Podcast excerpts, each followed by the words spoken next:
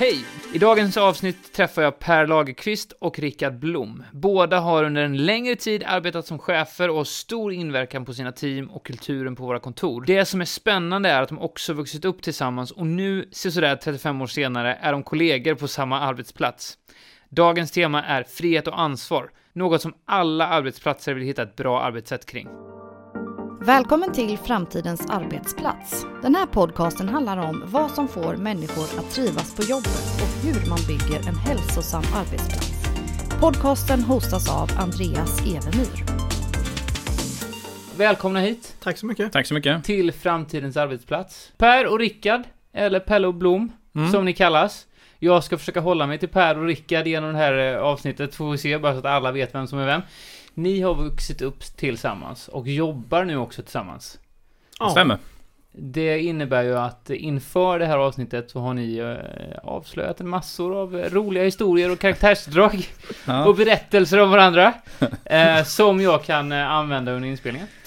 Eh, och innan det blir snacks, slagsmål så vill jag bara tacka för eh, eh, alla bidrag. Det kommer bli nyttigt och sen får vi förmodligen klippa en del i det här.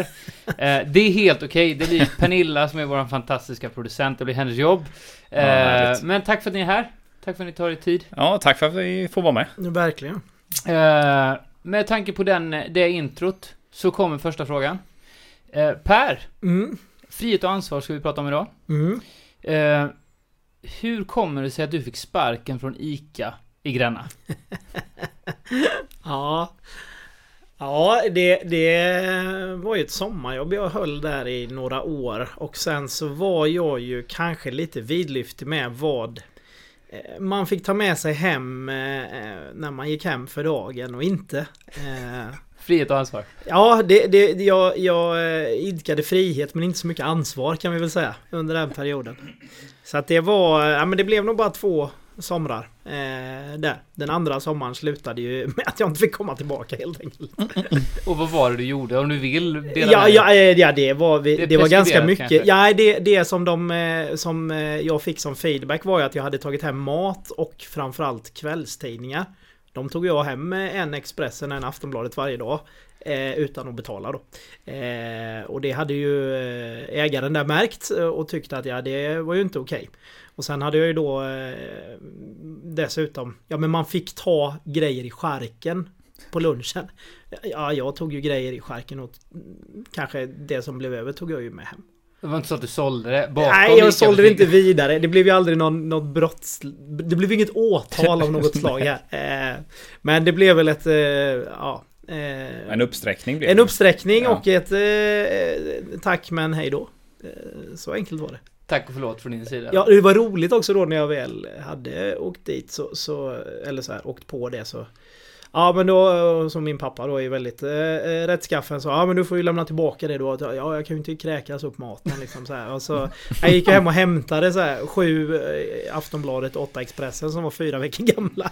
Ja, här, ja, eh, jag vet inte vad de skulle med dem till då. Men det var ju Det var väl ett sätt att göra det man kunde för att sudda ett Stryka ett streck över det. och du kommer ihåg det. Om jag kommer ihåg det? Du kommer ju ihåg att du lämnade tillbaka Jag kommer ihåg det som igår. Det var ju inte, det var inte, mitt, det var inte mitt proudest moment liksom. Men du, jag, jag gissar att det, det bidrog till att du lärde dig kring frihet och ansvar.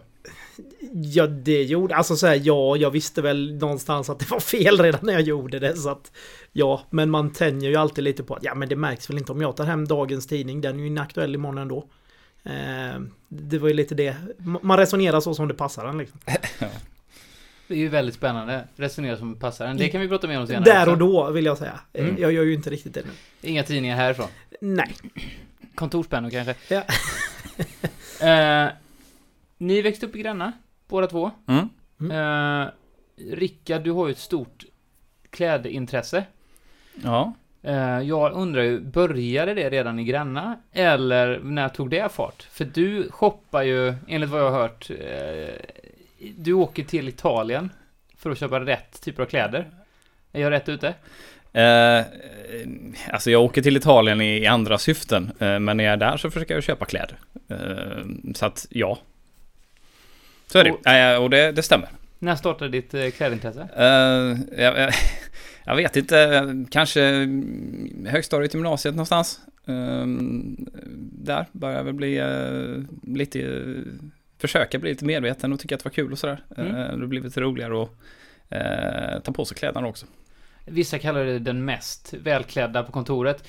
Eh, även när vi har liksom ugly Christmas sweater Friday så kör du alltid en skjorta under den fula tröjan för att vara säker på. Stämmer det?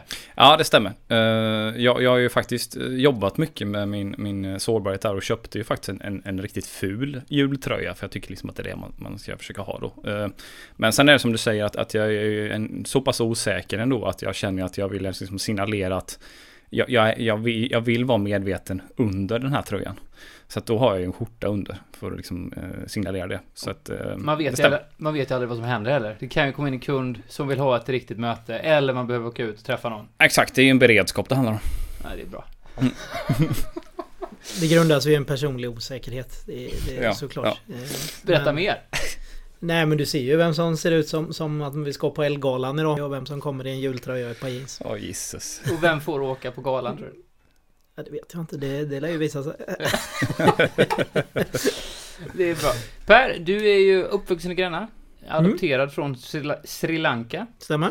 Eh, Jag gissar att det inte är jättemånga som vuxit, vuxit upp i Gränna under 80-90-talet som var adopterade från Sri Lanka. Nej. Eh, hur har det format dig? Det var, ju, alltså det var ju bara jag och min syster egentligen som var mörkhyade innan det kom en flyktingförläggning till denna där då. Eh, det har ju aldrig varit något problem liksom i vårat umgänge med folk man inte umgicks med sådär som ja det, man fick väl höra ett och annat. Eh, så var det ju. Det reflekterade man ju kanske inte supermycket över då men det var ju ofta det folk tog till när vi spelade fotboll eller så här. Vi var ganska duktiga i lag i Gränna. När vi åkte och spelade matcher och det, men det inte gick riktigt andra lagets väg, ja då kom det ju del eh, okvädningsord så. Ehm, så att eh, ja, det har man väl ändå så fått höra och det kanske det är nog mer jag kommer ju ihåg allt det fortfarande idag. Eh, även om jag inte reflekterar så mycket över att jag blev, jag blev ledsen där och då. Men sen så glömde man ju det rätt snabbt. Men idag så har man ju mycket lättare att relatera till när andra blir utsatta för saker och tänka att ja, men jag vet ju själv hur det känns. Ehm, så att eh, ja, jo men det har väl ändå funnits med än så. Det, det får jag säga. Tror jag nog Blom kan stryka Mm. under på att eh, jag har ju aldrig varit mobbad i skolan eller så. Jag hade ju förmånen att tillhöra det, de, de det coola gänget vet jag inte, men de som, ja det var aldrig något tal om att att jag var utanför eller så, så, så, så jag vill inte måla upp det så på något sätt. Men det är klart att det, det har väl hjälpt att man har en utåtgående personlighet och att man tar för sig. Alltså, det gör ju att man kanske inte blir det där tacksamma offret heller riktigt då. Ehm, men, men jag har liksom aldrig några i våra kompiskretsar så, aldrig varit några problem. Ehm, men det har också varit, man har hävdat sig i idrotten och varit ganska duktig och så där när man var yngre och då Ja, det är, ju, det är ju tråkigt att det är så, men då får man ju respekt. Alltså så. Ja, du är duktig på fotboll, vad bra. Då, då, och det, det, har ju, det har ju inget med hudfärg att göra. Det är ju vem som helst. Ja, men är du duktig på någonting så tycker ju folk att Ja, vad bra, du, du är med i gänget här. Så att jag har aldrig liksom känt att jag varit utanför på grund av det eller så. Absolut inte. Hur var det för dig, Rickard? Som fick se en Mm. del av de här påhoppen? Eh, nej men det är ju aldrig eh, eh, roligt uh, naturligtvis. Och, nej men apropå det Pelle var inne på där när, när eh, du, ni flyttade till Gränna eh, i, i tvåan på lågstadiet. eh, så uh, kommer jag ihåg när han kom in i, klassrummet och sådär och, och eh, det var ju, han var ju, du och din syster var ju i princip de enda Mm. färgade som, som gick på, på den skolan. Så att, så att det var ju, jag ska inte säga en big deal på något sätt, men det, det var ju så här, det, det var man ju inte van vid. Eh, och sådär. Och eh, sen så är det som Pelle säger, alltså att det, det har ju förekommit framförallt kanske i sportsammanhang och sådär när det var tävlingsinriktade saker och så, så har det kommit eh, eh, Nej men olika skällsord och sådär då. Och, och det har ju aldrig varit eh, roligt naturligtvis. Och och liksom försökt att ja, men komma till Pelles försvar eh, så mycket som möjligt och, och stå upp eh, för honom. Eh, och det gjorde du ju bra själv också. Det var inte så att du lät saker och ting passera om jag minns rätt. Utan eh, det, man, kom det något sånt så, så bet du verkligen ifrån också. Så att, eh, nej men det, det är ju aldrig kul eh, att behöva bevittna något sånt. Mm. Ja, det, alltså det som, är, som man reagerar på nu när man själv är förälder och så. Alltså det är frapperande vad föräldrar kan eh, häva ur sig. Nu var ju jag, som, som Blom påpekar, jag var ju inte Guds bästa barn på fotbollsplanen. Jag, jag eh, levde ju om rätt eh, rejält själv så och var ganska aj, domaren fick ju veta om jag inte höll med och så vidare. Men att föräldrar kan stå liksom och skrika säg åt den där lakritstomten nu då. Du. Alltså så här, det är helt sjukt. Wow. Eh, och det tänker man nu, alltså så här, man själv är förälder. Man kan ju bli tokig, jag tränar ju Sixtens lag då. Man kan ju bli tokig på andras unga. Ja, inte skulle jag eh, säga, ja, eh, säg åt det där fettot. Alltså så här, ja, det, det, det finns ju inte. Nej. Det är helt, eh, helt otroligt vilka olika preferenser man har eh, kring hur man ska bete sig. Ja, verkligen. Ja, och där om man kollar också statistik kring arbetsplatsen fortfarande. Eh, så finns det ju absolut rasism och hat. Eh, nätet, det finns överallt. Och där är ju också så här. En av anledningarna till att jag ändå vill lyfta det är ju för att men det, det finns eh, mycket hat, eh, rasism och andra typer av eh, eh, ja, hat i arbetslivet. Mm. Mm. Eh, där vi då som medarbetare, chefer eller bara människor också kan eh, säga ifrån. Eh, och vara tydliga med att skapa ett bra arbetsklimat. Vi vill ju kämpa för ett inkluderande arbetsklimat. Mm. Ja. Eh, både internt men också hos alla företag eh, som vi jobbar hos. Mm. Det är ju ett ansvar vi vill ta. På Mm. tal om frihet och ansvar. Mm. Mm. Eh, ingenting vi tar lätt på. Eh, och tack för att ni delar med er. Och, eh, Ja, även om det inte det- varit eh, så att du varit utsatt på det sättet. Så är det ändå viktigt tror jag. Att hela tiden ha med sig och tänka på hur man själv uppfattas. Vilka bias man har. Vad man tänker. Tänker även om man inte säger det. Eh, så man hela tiden blir bättre på att och, älska alla typer av människor. Mm. Mm. Mm. Superviktigt.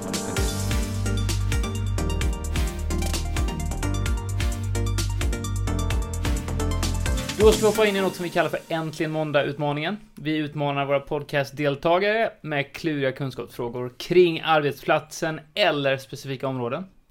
Eh, i- I och med att vi har två gäster idag så tävlar vi. Den som förlorar bjuder på lunch. Ja, shit. Eh, Mm. per har ju tagit med hela familjen hit, så att han förväntar ju sig att eh, eh, du Rickard kommer förlora.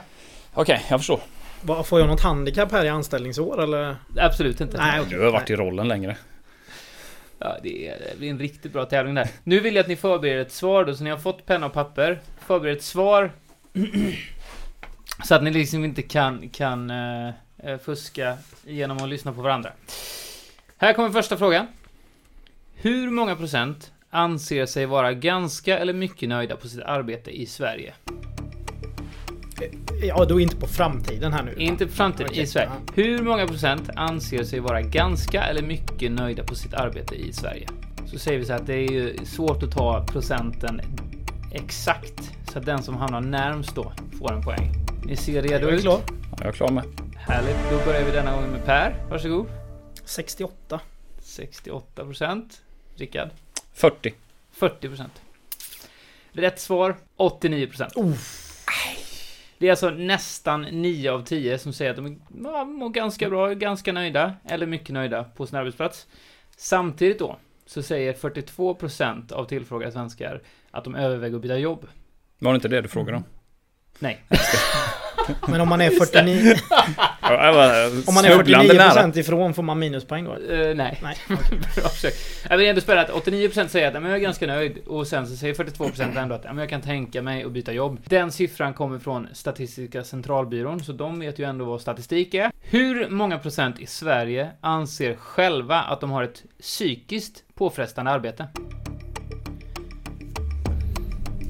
Att vara med i en podcast kan ju vara psykiskt påfrestande. Ja, det är ganska psykiskt nu är påfrestande. det... Ja, Är ni tävlingsmänniskor? eh, ja. Ja, det kan man säga. Vem brukar vinna oftast? Då? Ja, det beror på hur Det tävling. beror på med tävling, men jag har tävlat genom hela livet. Ja, då börjar vi med Rickard den här gången. Eh, 19 procent. Oh, 37. 46 procent. Vad säger att de har ett påfrestande psykiskt Mm. arbete. Mm. De största... Hur många frågor är det? Eh, det- tre. Ja, men det är kört då. Ja, vi kan ta en... Vi har en bubblare Måste, också. måste ha en bonusfråga. Vi har en, vi, vi har en bonusfråga. Um, ja, men de största skillnaderna, om man bryter ner statistiken på utbildningsnivå, eh, så personer med förgymnasial utbildning, eh, så svarar 32% att deras arbete är psykiskt påfrestande. Eftergymnasial utbildning på tre år eller motsvarande, eh, då är siffran uppe på 55%. Så Okej. ju mer du studerat, eh, desto mer psykiskt påfrestande arbete får du sen då. Ni är redo för tredje frågan? Mm. Ja. Hur stor andel av svenska löntagare omfattas av kollektivavtal? Eller är jag ansvarig för fackfrågor på den här organisationen, men så det är ju lite... Den här borde du kunna då med andra. Jag vill även tillägga att jag också är säkerhetsskyddschef. Ja, framtiden. försöker vara. Eh, Det här är alltså inklusive hängavtal. mm. Ja, för det händer ju mitt svar. Har vi våra svar redo? Ja, Mm. Ja, då börjar eh, Per den här gången. 82 procent. 72 procent. Det är alltså 9 av 10. Så Mm. 90 procent. Ja, men det här är ju en landslide. Mm. Jag hade skrivit 86. Kan vi klippa så- bort det här segmentet sen? En extra fråga då. Ja. Eh, Den som vinner det här vinner allt. Jajamän! Kom igen nu. Vilken yrkeskategori blir oftast tillsammans på arbetsplatsen? Enligt Statistiska centralbyrån. Då pratar jag alltså kollegor emellan, inte Mm. någon som förälskar sig när man är och sotar hos någon, utan eh, Jag fattar. Är det du som börjar? Nej, men ekonomer tror jag. ekonomer. Rickard. Sjukvårdspersonal. Sjukvårdspersonal. Ja. Vi har ju, eh, det är ju så specifikt som specialistläkare. Brorsan, 4-0! Det är alltså 4-0. Totalvinst. Jag lägger facit här Andreas. Så du. Men Rickard, kan Ja. du berätta lite om Per? Ja, men gärna. Eh, nej men eh, Per eh, är ehm, en god gubbe. Eh, han eh, han eh, är väldigt ambitiös i allt han gör, ska jag verkligen säga. Han gillar att tävla, vilket vi har gjort mot varandra, som vi sa tidigare, egentligen hela livet. Och är mån om att vinna och mån om att kämpa och är också samtidigt väldigt omtänksam, tycker jag. Och nu är jag väldigt snäll här Pelle. Jag hoppas att du Mm, inser det här nu. Men, men, men det är han också. Och har, alltså något som jag är avundsjuk på Pelle på, är att han är väldigt duktig på att, att uh, bygga bra stämning uh, och bygga väldigt bra team. Uh, Det tycker jag att han har visat gång på gång i sin karriär och jag tycker att han är väldigt duktig på det. Och sen är han också så här nördigt intresserad av olika saker. Till exempel amerikansk fotboll nu då, som är någonting som han har snöat in i, någonting helt otroligt. Eh, och sådär, och sen så eh, gillar han ju att tjata, eh, Pelle. Det är svårt Han att stopp. Liksom. Nej men det går inte. Alltså han, han, han eh, är ju den av mina vänner som, som pratar mest och helst. Och eh, det, det är rätt märks. skönt att hänga med någon sån. Ja men det är ju det. Det är aldrig tyst överhuvudtaget. Och eh, alltid någonting som händer. tycker jag. Så att han är nej, en riktigt bra kille. En, en god och, och nära vän och kollega. Det är alltid skönt när man börjar för att sätta man i stämningen. Ja. Så eh, kan inte du berätta Per om, om Rickard? Mm. Det, kommer, ju- det här kommer inte bli lika snällt. Nej, jo. Nej, men vi, vi träffades ju när, när vi var åtta år då. Flyttade jag ju till Anna. Och då fanns det ju... ehm, ja, det, eh, när jag kom, kom till skolan där första dagen så var det ju en kille som kom fram först. jag behöver inte namnge, men han... eh, han kom fram och sa alla tjejer gillar mig. Så, så han tyckte jag skulle sitta med honom. Eh, och eh, ja, Rickard hade ju på den tiden en, en pottfrisyr som Jim Carrey, Dum Dummare ungefär. Och, Stämmer. var ju eh, Big boned som vi säger. Mm. Eh, kraftig benstomme. Eh, men redan då eh, snäll liksom. Eh, tog hand om mig då när jag var ny. Och eh, visade mig liksom hur det gick till på, på Ribbaskolan, på skolgården sådär. Eh, och sen har vi hängt ihop hela, hela uppväxten då egentligen. Vi gick ju eh, upp till nian ihop, sen gick vi gymnasiet ihop också. Eh, och alltid varit liksom Ja då var vi ju liksom bästa vänner så. Sen så flyttade ju du till, till Stockholm och då kom vi ifrån varandra lite. Men sen så är det ju, det är ju Rickards förtjänst att jag, jag fick det här jobbet i så som han tjatade för att, att liksom de ens skulle träffa mig på framtiden. Eh, Det, är ju, det är ju bara Rickard. Och det säger mycket om honom som person. Alltså eh, otroligt osjälvisk. Eh, går långa sträckor för att hjälpa folk han bryr sig om. Eh, kunnig, eh, läser på. Duktig på det han tar sig för. Eh, gillar ju att förbereda sig till skillnad från mig. Är, kommer alltid förberedd.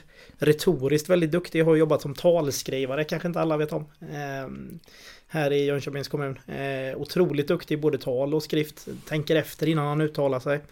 Ehm, Till skillnad från dig? Nej, till skillnad från mig. Eh, jag, jag kör på chans med. Men, ja, men det, det, det är du ju väldigt duktig på. Och, men det bleknar ju ändå i jämförelse med att ja, men alltid, alltså som vän så är det ju Ja, det är aldrig tal om att eh, man inte ska bli erbjuden att sova hos Rickard om man är någonstans i närheten. Eller, det finns alltid plats eh, att fixa liksom för sina vänner. Eh, ja, men när vi träffas på somrarna och gör grejer, ja, det, det är alltid hemma hos Blom och det, han erbjuder alltid liksom sitt, sitt hem så. Eh, så att eh, först och främst en fantastiskt bra kompis. Eh, en av mina allra, allra bästa. Vi är ju ett gäng som, som fortfarande hänger ihop sen, sen skoltiden så. Eh, men utöver det då så är det ju så roligt att jobba med honom för att det blir inte bara det att ja men vi är kompisar och, och så jobbar vi ihop utan nej vi jobbar ihop och det är kul för att han är fantastiskt duktig på sitt jobb. Um, så det är, ja, det är en ynnest. Mm. Mm, tack snälla. Jag har ju någon eh, kanske romantisk bild av hur det är att växa upp i Gränna. Att man liksom åt polkagrisar konstant. Stämmer det? Nej, jag är ju eh, rädd för att jag måste göra besviken då.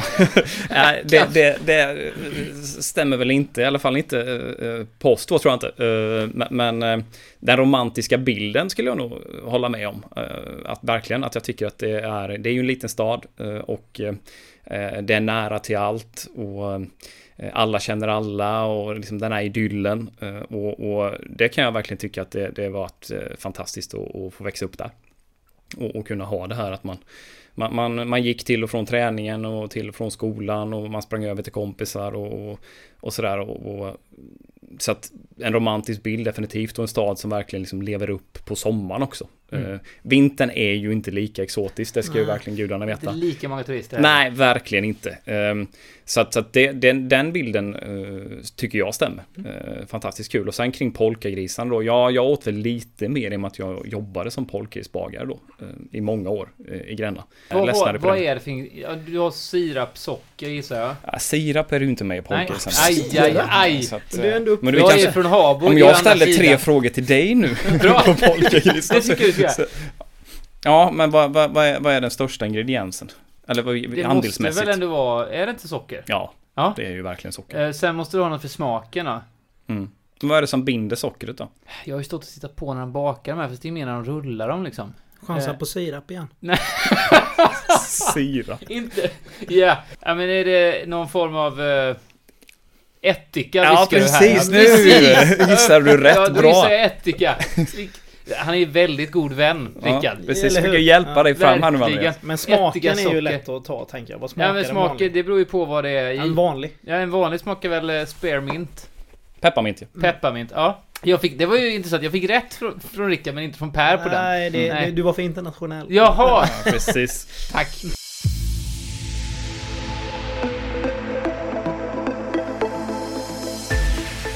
Ni jobbar både som chef du Rickard jobbar i Jönköping, Linköping. Ja, rekryteringsansvarig. Rekryteringsansvarig. Mm. Uh, per, du jobbar både för sälj och rekrytering, alltså våra kundansvariga och våra rekryterare. Uh, vad är det svåraste med att vara chef? Ja, det är ju många saker som är svårt. Uh, får ju tänka högt här under tiden. Ja, det är men Eh, nej men jag kan tycka, eh, en, en utmaning, eller någonting som jag tycker är svårt är att eh, eh nej, hitta balansen mellan eh, eh, frihet och, och att vara nära och, och, följa upp. För det tycker jag kräver ett situationsanpassat ledarskap. Det är väldigt olika beroende på vilken typ av medarbetare man har eh, och vilka behov den har. Och, och att hitta balansen för hur, hur, nära man ska vara, för man vill ju inte vara kontrollerande, men, men hur mycket stöd och, och, och, och, eh, vägledning vissa medarbetare behöver eller vill ha eh, kontra och balansera det med hur mycket frihet eh, man vill ha. Då. Det tycker jag kan vara en utmaning att hitta rätt utifrån att alla har lite olika behov och mm. olika liksom, förutsättningar. Så det är väl en sak som jag tycker kan vara klurig. Det är väldigt intressant att du tar upp just den grejen. Eh, Robert Persson Asplund, som är chefpsykolog, han säger att trivsel på jobbet är kopplat till att ha frihet och att känna att man kan styra sitt eget arbete. Mm. Alltså att man inte är överkontrollerande, men också då eh, få, hjälp att kunna styra. Eh, och där i någonstans ligger balansen. Vi på framtiden, vi pratar mycket om autonomi. Att känna självständighet och ha makt att styra sin egen vardag. Och så har vi då ja, det som kallas mikromanagement, makromanagement, balansen däremellan. Mm. Eh, vad skulle du säga att du hjälper till med då? För, eller vad, vad gör du för att hitta den balansen? Mm. Om du har lite tips och tricks. Just det. Eh, nej men jag, jag tror att, att eh, det är viktigt att, att förklara eh, och vara tydliga med det. Alltså vad är syftet med det vi gör? Alltså varför gör vi de olika momenten som, som vi gör i våra olika roller? Eh, och vad, vad syftar de till? Att förklara liksom varför väldigt tydligt. Eh, eh, och då kommer ju alla att få liksom en, en uppfattning om varför man utför olika saker och Eh, då eh, får man också ta det ansvaret för att, att eh, utföra dem. Mm. Då. Eh, och eh, inledningsvis med nya eh, kollegor så kanske man behöver vara närmare än vad man behöver vara med folk som har jobbat lite längre och är lite mer seniora då. Så, att alltså, en universal nyckel till, till så här gör jag, det tror jag inte att det har, utan det beror lite på som jag sa innan också vad har uh, olika medarbetare för, för, olika behov och för olika bakgrund mm. uh, för att hitta den balansen. Uh, men att man ska känna ett ägandeskap över det man gör är ju centralt tycker jag. Mm. Att man känner att det här är vad som förväntas av mig i min roll och det här är varför jag utför de här olika sakerna som jag utför. Det behöver man vara tydlig med tycker jag som chef. Att, att förklara och att ha, diskutera de bitarna. Men att man känner frihet att inom de ramarna planera och utföra sitt arbete på, på ett sätt som, som eh, passar en själv. Um, så att, och, och, det där är ju lite olika från fall till fall. Men, men det, eh, det, det tycker viktigt. jag. Jag tycker eh, det här är ju något av det mest intressanta ämnet vi har haft nästan. Eh, för att eh, kanske framförallt i Sverige så fokuserar vi jättemycket på frihet. Att jag ska kunna jobba varifrån jag vill. Eh, jag ska kunna styra balans mellan liv, liv och jobb. Och, mm. vilket är superbra. men också då ansvaret i det. Jag menar, ska du ta körkort och använda din frihet för att köra vart du vill, vilket du kan om du har ett körkort. Då tar du också väldigt mycket ansvar för att du kör på rätt sätt. Eh, kör innanför linjerna, inte kör rött. Eh, behandla, ja nu är inte alla som gör det, speciellt inte i Stockholm där jag har bott, att man eh, behandlar andra förare med respekt i trafiken ja. och inte får, man får inte tuta hur som helst, helst egentligen då. Mm. Eh, men tar du det ansvaret, ja, då har du friheten. Ja, tar exakt. du inte det ansvaret och kör för fort, mm. ja, då kan du till och med hamna i finkan. Mm. Väldigt tydligt eh, vad du har för frihet för att det finns ett regelverk och, och ett ansvarsområde som du ska ta. Mm. Där är ju spännande att prata om hur skapar man den strukturen på en arbetsplats där det mm. blir lika tydligt för att det är också ramarna och ansvaret som mm. skapar friheten. Mm. Och det är ju jättebra för där är också frihet och ansvar är ett av våra värdeord. En, en värdering vi har, men vi har också teamwork. Mm. Vilket innebär att ja, du har frihet att vara den du är, men vi vill inte att det ska gå ut över någon annan på något sätt. Eh, vi pratar med varandra med respekt för att vi är ett team, vi jobbar tillsammans. Eh, vi har alla våra kopior öppna så att alla kan se transparens i det. För att vi var ett team. Eh, så att väldigt spännande mm. dynamik mm. inom eh, ansvar och frihet som inte är så himla lätt. Nej. Eh, där man ibland som själv kan känna som medarbetare, men borde inte jag få det här som en förmån eller frihet? Eller, mm.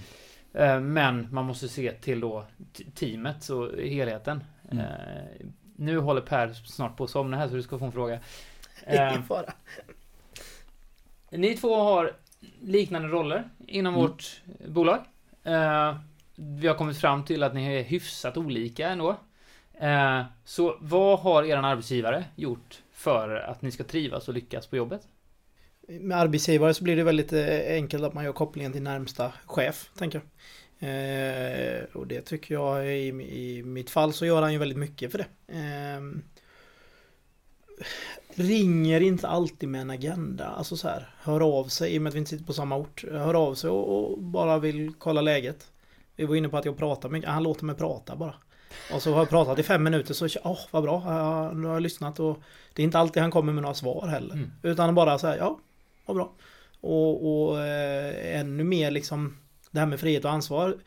Jag kan lyfta tre problem i, i liksom en, en två minuters rant eller tre utmaningar och sen så säger han Ja vad bra, du löser det. Ja. Du har ändå fått prata om det och, och eh, fått bekräftat att det här är någonting som jag litar på att du löser. Och så släpper vi det nu och så pratar vi om något annat och så känns det liksom som att det var skönt. Eh, här fick jag eh, lyfta någonting men jag fick känna att jag hade mandatet också att fatta beslut i det. Eh, för annars så hade jag ju fått höra något annat då att ja men då tycker jag att vi gör så här eller nej du är fel ute eller sådär. Men, nej så det, det tycker jag att eh, på tal om frihet så får jag ju den friheten i min roll. Eh, jag får känna att det jag gör är ansvarsfullt och att jag får ett stort ansvar. Eh, och jag får också liksom fatta beslut. Jag tycker det är ganska tydligt för min del här då också vad, vad jag kan eh, få ta beslut om. Eh, och det känner jag att det växer man ju mer och mer med. Det, det har ju växt såklart det mandatet under de två och en halv åren man har varit här. I början så var det ju snävare och det ska det ju vara. Eh, men så ju mer man kommer in i det och ju mer man bevisar att man faktiskt klarar av att axla den rollen, desto mer ansvar får man ju, får man ju ta och mer beslutsutrymme får jag ju också. Mm. Så det, det skulle jag väl säga det. Vi har ju nyckeltal som eh, i alla fall våra säljare eller kundansvariga och, och rekryterare mäts på. Som är väldigt tydliga i vad vi har jobbat med rekrytering under en längre tid. Vi tittar över år och tittar, okej, okay, om vi gör det här så kommer vi lyckas. Eh, vilket innebär när, när en ny person kommer in så säger vi ja men här är bra ramar för att du ska lyckas. Eh, vad finns friheten i att påverka dem då? Eh, ska man kunna påverka dem? Eh, eller ska man bevisa sig och sen kunna... Det, balansen här är ju jätteintressant att bara veta hur, hur ni tänker. Eh, nej men, eh, bra fråga och intressant. Alltså jätteviktigt att, att förklara ja, men varför använder vi ofta de här nyckeltalen, de här kopiorna? Alltså varför eh, tycker vi att de är viktiga? Eh, är jätteviktigt. Att, att det är verktyg till att, att lyckas i rollen och inte är, är mål i sig. Utan det här, det här är alltså verktyg som vår erfarenhet från, från många år i branschen och från framtiden har visat att Jobbar vi utifrån de här så, så ökar förutsättningarna att lyckas i rollen. Ehm, det tror jag är jätteviktigt att förklara liksom varför och syftet med dem och att de är ett verktyg eller ett medel till att nå mål, det vill säga att hjälpa folk ut i arbete. Mm. Eh, superviktigt. Vi tittar ju på dem eh, varje vecka och, och, så har vi liksom ett, en diskussion kring alltså, hur, hur gick det förra veckan, hur kändes det och sådär. Och, och eh, Eh, försöker vara tydlig med att, att vi försöker sträva efter att ligga på de här nivåerna eh, och, och börjar naturligtvis med, med att titta på om har vi liksom lyckats få ut någon i jobb. Ja, då är det ju det viktigaste av allt. Mm. Alltså, lyckas vi, vi tillsätta och, och, hjälpa kandidater och hjälpa våra kunder med, med, personer. Det är ju det viktigaste nyckeltalet av allt. Vi tittar på våra kopior är inte för att få kvantitet utan det är för att säkerställa kvalitet. Så att de är inte motsatser till varandra utan ja, men ju fler du intervjuar eller presenterar för kunden desto större är sannolikheten att vi presenterar rätt kandidat. Och då blir det kvalitet. Så att man inte sätter eh, eh motsats mellan kvantitet och kvalitet här. Tycker mm. jag är viktigt. Det är superbra att du tar upp det också. För det är ju en sak som dyker upp i vissa konversationer ibland. Ah, men jag vill inte jobba med kvantitet, jag vill jobba mm. med kvalitet. Mm. Det är bara att eh, om vi tar bilar igen här då, ska vi sälja en bil, då måste du ha riktigt hög kvalitet på allt. Eh, den går inte att tumma på. Mm. Men du, för att, för att öka omsättning då så måste du också öka i kvantitet. Eh, så ett bra bolag lyckas ju hålla båda högt. Mm. Eh, hitta, hitta nya sätt att jobba kring båda två. Mm. Eh, nya sätt ska jag inte säga. Eh, hittar sätt att värdera båda de delarna. Det är superbra att du tar upp mm. Um, jag tänkte Andreas, det är, det är ju samma alltså. Om du tar ett exempel från sälj, alltså med, med frihet och ansvar. Ja men du tar du får ansvaret för att lära dig eh, liksom framtidens sätt att jobba och sen så har du friheten att, att brodera utifrån det. Anledningen till att vi har de här som du sa kopiorna Ja men det är ju också att vi, vi har ju statistiskt bevisat att det funkar. Mm. Gör vi så här så når vi det här utfallet. Eh, och sen finns det ju såklart alltid avvikelser från det men i de allra flesta fallen så får vi det här utfallet om vi gör den här insatsen. Ni är båda pappor. Eh, mm. Och jag gissar att eh, precis som alla andra föräldrar så kämpar ni med att veta hur mycket frihet och ansvar man ska ge sina barn. Hur håller ni den balansen som föräldrar? Uh, ja, det, den är ju en ständig utmaning tycker jag. Ska man säga att jag, jag börjar med kanske att ge frihet och sen så drar jag ofta in den. Uh, och sen så försöker jag pytsa ut lite till och så drar jag in den och sådär och sen så har jag ju två barn då och, och, och där kan man ju inte ge samma frihet till båda i och med att han är yngre eh, och titta på sitt äldre syskon. Så att eh, eh, ja, jag försöker väl, men, men ofta kommer jag på mig själv att mitt standardsvar på frågor är ju nej. Eh, att det är så här, kan, vi göra, kan jag få göra det? Nej, nej. Att, eh, så att, så där är jag nog inget för. Ja, ja, precis. Där jag, min fru skäller på mig där att alltså, jo, de kan ju faktiskt få sitta och rita här. Liksom. Ja, men det är klart de får det. Men, men, Um, så att där, är jag kanske inget uh, föredöme så. Uh, det är ordning och reda hemma. Jag vill ha ett tight chip. Ja. Um, så det är skräll att det rörde vad man får sitta och rita och inte hemma hos dig. ja, det, dega är ju per, det värsta. Per, känner du här att du hade gärna velat sitta på vissa olika platser i, i Rickards hem och eh, måla? Ja, vi var ju där eh, med familjen för någon, förra sommaren ja. väl. Och eh, då Sigrid Bloms äldsta dotter då, så sa ju Madde, Bloms fru, att ja men Sigrid kan ju plocka fram leran då så kan ni ju dega lite och så här. Och vi har ju också sån här Play-Doh eller modellera hemma. Den är ju bara en grå klump för det är ju alla färger igen. Precis, pytsat ihop ja. liksom. Det är bara... Hemma hos familjen Blom finns det ju inte ett uns av tvåfärg i en enda sån här liten burk. Det är ju man leker med varje färg för sig. Det är ju ett mm. otroligt ansvarstagande från dina barn. Eller? Ja, det är ja. också en tydlig styrning. Det, det skulle jag snarare vilja säga att det är det. Och, eh, eh, Som har gett resultat. Paniken i Sigrids ögon när Sixten, min son då, bara ja. slår ihop två färger. Den... Men även jag får ju ryggsäck då.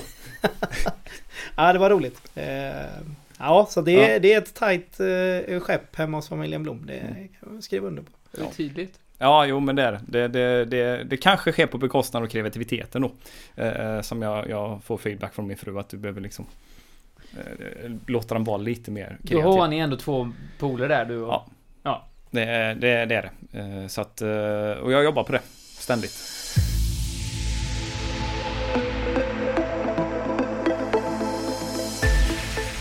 Det finns ju något som kallas micromanagement, mikromanagement. Eh, säkert tydligt svenskt översatt av mig just nu. Eh, ledarskapsstil med överdriven kontroll och uppmärksamhet på mindre detaljer. Mm. Och så har vi det andra som är makro, alltså gör vad du vill, eh, ställ frågor så får vi se om jag svarar. Eh, och hoppas att det blir rätt. Eh, där någonstans emellan vill vi ju hamna i den här balansen på, på frihet, och, frihet och ansvar. Eh, har ni någon berättelse där ni upplevt antingen micromanagement eller macromanagement som ni vill dela med er av? Uh, ja, det kan du göra. Ja, men micro då. Jag, nej, men jag har gjort lumpen. Försvarsmakten. Uh, inte så får... mycket makro det. Nej, inte alls. ska jag säga. Utan där, där alltså absurt mycket mikro. och all, allt ska, ska kontrolleras och följas upp i minsta detalj. Alla måste göra exakt likadant vid samma tidpunkt hela tiden och det följs upp. Liksom. Eh, så det, det, det, är väl väldigt tydligt, eh, tycker jag. Eh, som jag varit med om. Och sen finns det väl anledningar just i vissa organisationer att det ska vara så. Har man en skjutövning så kan ju inte alla liksom alla gör vad du vill inom de här ramarna. Det blir lite dumt. Eh, eh, jag följer men, upp sen och kollar hur det gått. Ja, precis. Eh, men, men det är väldigt tydligt. Och makro, ja, jag, jag hade en eh, chef i, i, på en tidigare arbetsplats som eh, var eh, väldigt eh, otydlig kring vad som förväntades av mig och, och vad eh, uppgiften bestod av och sådär på ett sätt som eh, skapade otrygghet för mig. Eh, och då vill jag ändå tro att jag är ganska van att driva saker självständigt. Så jag försöker i alla fall göra det. Och, men, men det eh, var jobbigt eh, tyckte jag. För att det var så att jag, jag visste aldrig om jag gjorde rätt saker eller eh, vad jag skulle göra. Utan det var så här, hör av dig om du, du har några frågor och så eh, hade man frågor och så fick man något, inte ens ett svar tillbaka. Eh, då. Och, och, det är väl en erfarenhet som inte eh, var särskilt rolig. Eh, och, men framförallt så var det jobbigt för man visste ju inte om man gjorde rätt. Alltså, jag hade ingen aning om, om, om ja, jag fortsätter väl att göra det jag gör för att ingen har sagt att det är varken bra eller dåligt. Eh, och det var ju makro eh, deluxe. Och där är ju någonting som är väldigt intressant för att alla vill ju, ja, om vi säger vinna då, känna att man, man gör någonting bra. Mm. Eh, och vet man inte det, mm. ja, då vet du inte vad som är bra eller dåligt. Det är ju en av baksidorna av makro att mm. jag vet inte riktigt om jag gjorde rätt. Så du kan inte stänga en vecka och känna att yes, där satt den. Nej, exakt. Eh, och vad, vad som, liksom, vad, vad, vad, är, vad är ett kvitto på att jag gjort ett bra jobb den här veckan? Och det kan ju vara massa olika eh, signaler eller eh, effekter då. Men, men, att inte veta det, eh, då, då blir jag i alla fall väldigt osäker i vad jag gör. Mm. Eh, och det är ju ingen skön känsla. Ja, jag, jag, ja, när jag lyssnar på Rickard så inser jag att jag kanske aldrig har blivit makromanagementad någon gång. Det, det är ingen som har haft det förtroendet för mig och släppt mig så fri. så det, Ehm, men eh, Nej men mikro det upplevde vi väl här på Försäkringskassan att det var ganska mycket. Det är ju extremt liksom så här. Ni ska göra de här ärendena i den här vyn. Sen går ni vidare till den här vyn. Och är ni klara där så hjälper ni Skellefteå med deras föräldraförsäkringsärenden för de behöver det. Eh, och det är ju inte så roligt kanske. Eh, vi genomförde generationsväxling när jag var på Försäkringskassan och, och eh, tog in mycket yngre människor. Och där märkte man en tydlig skillnad. Alltså de Många av de äldre som gick mot pension så här, de var Jag hade ju Jag hade ju en kvinna som sa typ Alltså Nej jag orkar inte med det här att man ska För då fick man planera lite sin egen vecka Säg bara till mig vad jag ska göra Jag, jag, jag sitter där du säger Det blir bäst Jag sitter i den vyn. Ja, medan de yngre är så här liksom att om man väl sa till Ja, gör du det nu och så tar du det på eftermiddag men jag kan väl lägga upp det själv. Mm. Och det är väl en av baksidorna med, med micromanagement i att blir man det under en längre tid. Ja, men mm. okej, okay, säg bara vad jag ska göra så gör jag det. Mm. 1 till 10. Bam, pang, pang. Eh, det som händer då, min upplevelse, inte forskning då, men min upplevelse är att hjärnan börjar stänga av. Mm. Så att du sitter bara och väntar på när jag får arbetsuppgifterna, då börjar jag jobba. Mm. Det är ju jätteskönt för en chef att känna att jag vet vad som blir gjort. Men du hämmar ju kreativitet, precis som ja. du är inne på. Du mm. hämmar ju andra sätt att arbeta på. Du hämmar att hitta nya, bättre sätt. Så jag mm. tror inte det är en generationsfråga, utan det kan vara eh, snarare så att man har vant sig vid mm. ett visst mm. sätt att jobba och vet. Jobbar jag utanför det här, då blir det problem. Precis. Och precis som alla människor så försöker vi undvika den eh, tensionen och, och mm. ha med chefen. Så att man har vant sig vid ett visst sätt att jobba. Mm. Eh, och därför vill man bara inte ändra det. Mm. Tack så jättemycket för Tack er själv. tid. Tack själv, Andreas. För att ni var här. Mm. Jag har lärt mig jättemycket. Framförallt om er. Eh, och att eh, det är kul att höra att ni är så olika, men att ni ändå trivs på arbetsplatsen. Ja, tack för att vi fick komma. Uh, jättekul verkligen. Och jag tänker att du också klipper bort den här tävlingen sen. innan den vi, som vi, jag vann med 4-0 menar Ja, jag har inget ansvar där. Det är Pernilla som Ja, men då pratar jag med henne. Så att hon får använda sin frihet. Ja.